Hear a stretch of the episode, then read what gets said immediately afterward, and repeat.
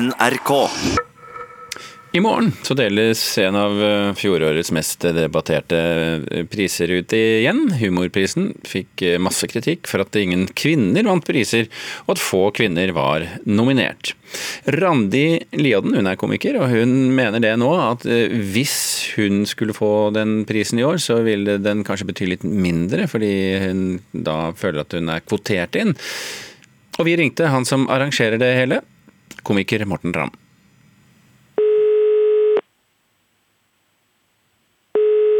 Hallo, ja. Hallo, Morten. Hei, du. Hei, du. Hei, hei. Morten Ramm, du er jo en av initiativtakerne bak eh, Humorprisen. En pris som fikk uh, veldig mye kritikk i fjor, bl.a. fordi få kvinner var uh, nominert, og fordi ingen kvinner vant pris. Hvordan vil det påvirke årets uh, prisutdeling? Det har blitt vært en bevisstgjøring. Vi er komikere og morsomme, og ikke kjønn. Men i år så har vi jo kvinner som er nominert, og menn som er nominert. Og juryen bestemmer hvem som vinner. Kan du bare holde linja litt? Jeg får en annen telefon her. ja. Hei. Ja, hei. Randi Liodden, du var en av få kvinner som var nominert til Humorprisen i fjor, og du er nominert i år igjen i kategorien Årets morsomste på nett. Ja. Hva tenker du om vinnersjansene dine i år? eh, dessverre tror jeg jo at det er større sjanse i år eh, for meg å vinne. Så det er jo selvfølgelig litt sånn at i år så vil jo kanskje denne prisen på en måte bety litt mindre. Så jeg føler kanskje at det, det er litt kvotert til meg hvis det er jeg som vinner. Eh, men jeg håper jo ikke at eh, juryen har tenkt når de stemmer at de må stemme på jenter. Er du der, Morten? Ja. Jeg snakka akkurat med Randi Liodden, hun var jo nominert i fjor, og hun er jo også nominert i år. og Hun sier at hun tror det er større sjanse for hun å vinne i år, og at prisen kan bety litt mindre fordi hun kan være kvotert inn. Hva tenker du om det? Hadde jeg vært Randi Liodden og kvinne, så hadde jeg, hadde jeg, tenkt på den samme måten, jeg også. Men når man sitter der, så tror jeg faktisk at man blir oppriktig glad, for det er eh, hemmelig valg. Det er én og én som bestemmer, og hun har allerede valgt ut, og hun har blitt nominert fram til å bli nominert. Uh, I år, som i fjor, så har ikke jeg noe med juryen og hva de bestemmer å gjøre. Jeg får bare ringe jurylederen, da. Jeg tror det er det beste for å få, for å få mer info om uh, hvordan de uh, jobber. Hallo, det er Fanny. Ja, Hei, Fanny Våger. Du er en av to juryledere under Humorprisen i år. Ja, hei. Det er jo vesentlig flere kvinner som er nominert denne gangen. Betyr det at kvinner var morsommere i fjor enn de var i forfjor? Uh, nei, det tror jeg ikke at de var. Vi har åpenbart ikke ønsket å kvotere inn noen, eller at man skal være mer nådig mot enkelte bidrag. Så vi vil jo at hele juryen skal stemme på det de syns er morsomst og best. Ok, ha det. Takk. Hei. Og den ringende reporteren, eh, det var Christian eh, Ingebretsen. Og humorprisen, den arrangeres i morgen. Nå skal det handle om Netflix. Løy på deg en kjæreste. Ja. Da må du få deg kjæreste. På 24 dager. På 24 dager. Jeg skal hjelpe deg.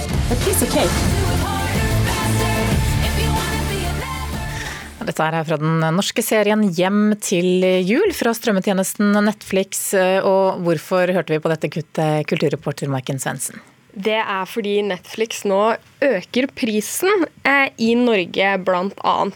Eh, I en pressemelding som er sendt til nettstedet tech.no, så sier Netflix at dette er da pga. flere ting, men bl.a. at de lager mer norsk innhold, som Hjem til jul vi hørte et klipp av her.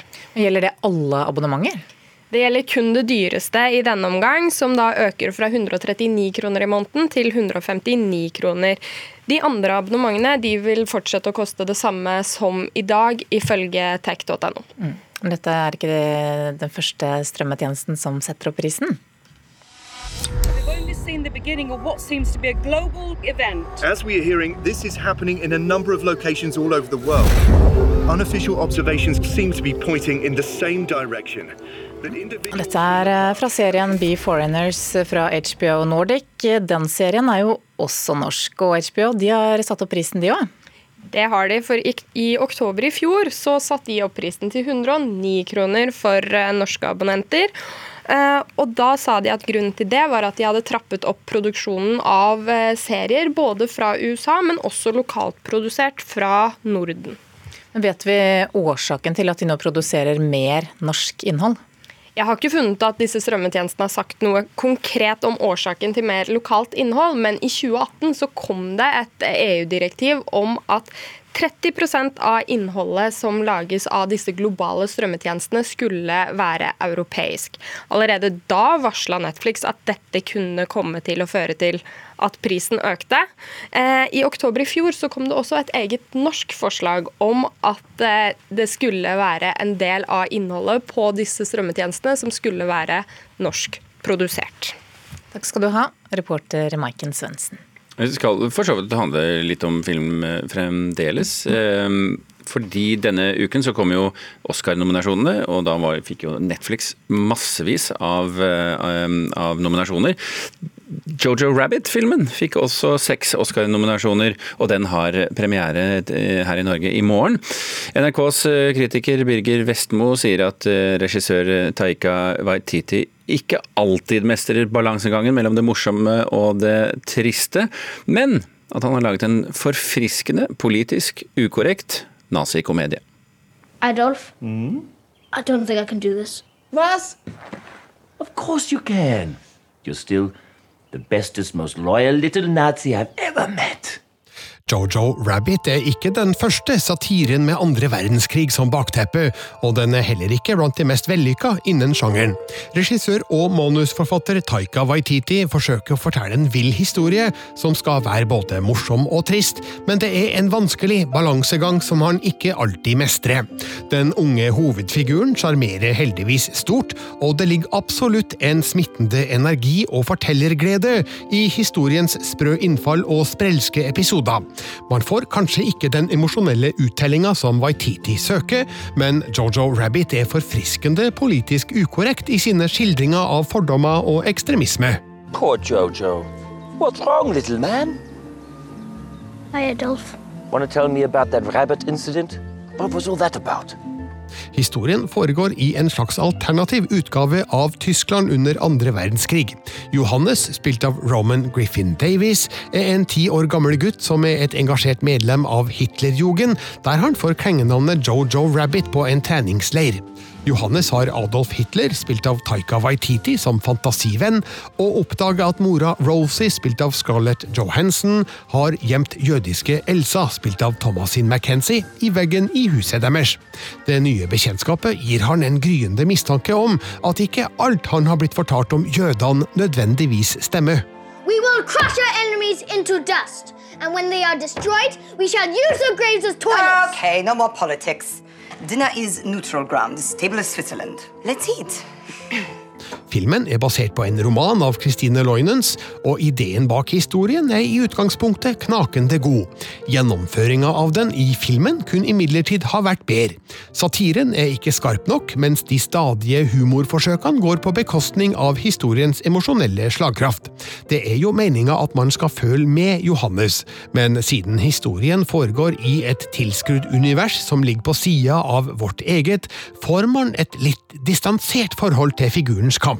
Manuset har mange smarte og finurlige observasjoner omkring et radikalisert og krigsramma barns oppfattelse av virkeligheten rundt seg, men hver gang det tøyses, noe som foregår gjennom nesten hele filmen, forsvinner alvoret i bakgrunnen. Jojo Rabbit er for all del en severdig film, men blir verken morsom nok til å poengtere det absurde skikkelig, eller bevegende nok til å smerte hjertet. Seks Oscar-nominasjoner virker derfor i overkant godt betalt. Heil me, man. Heil Hitler. What?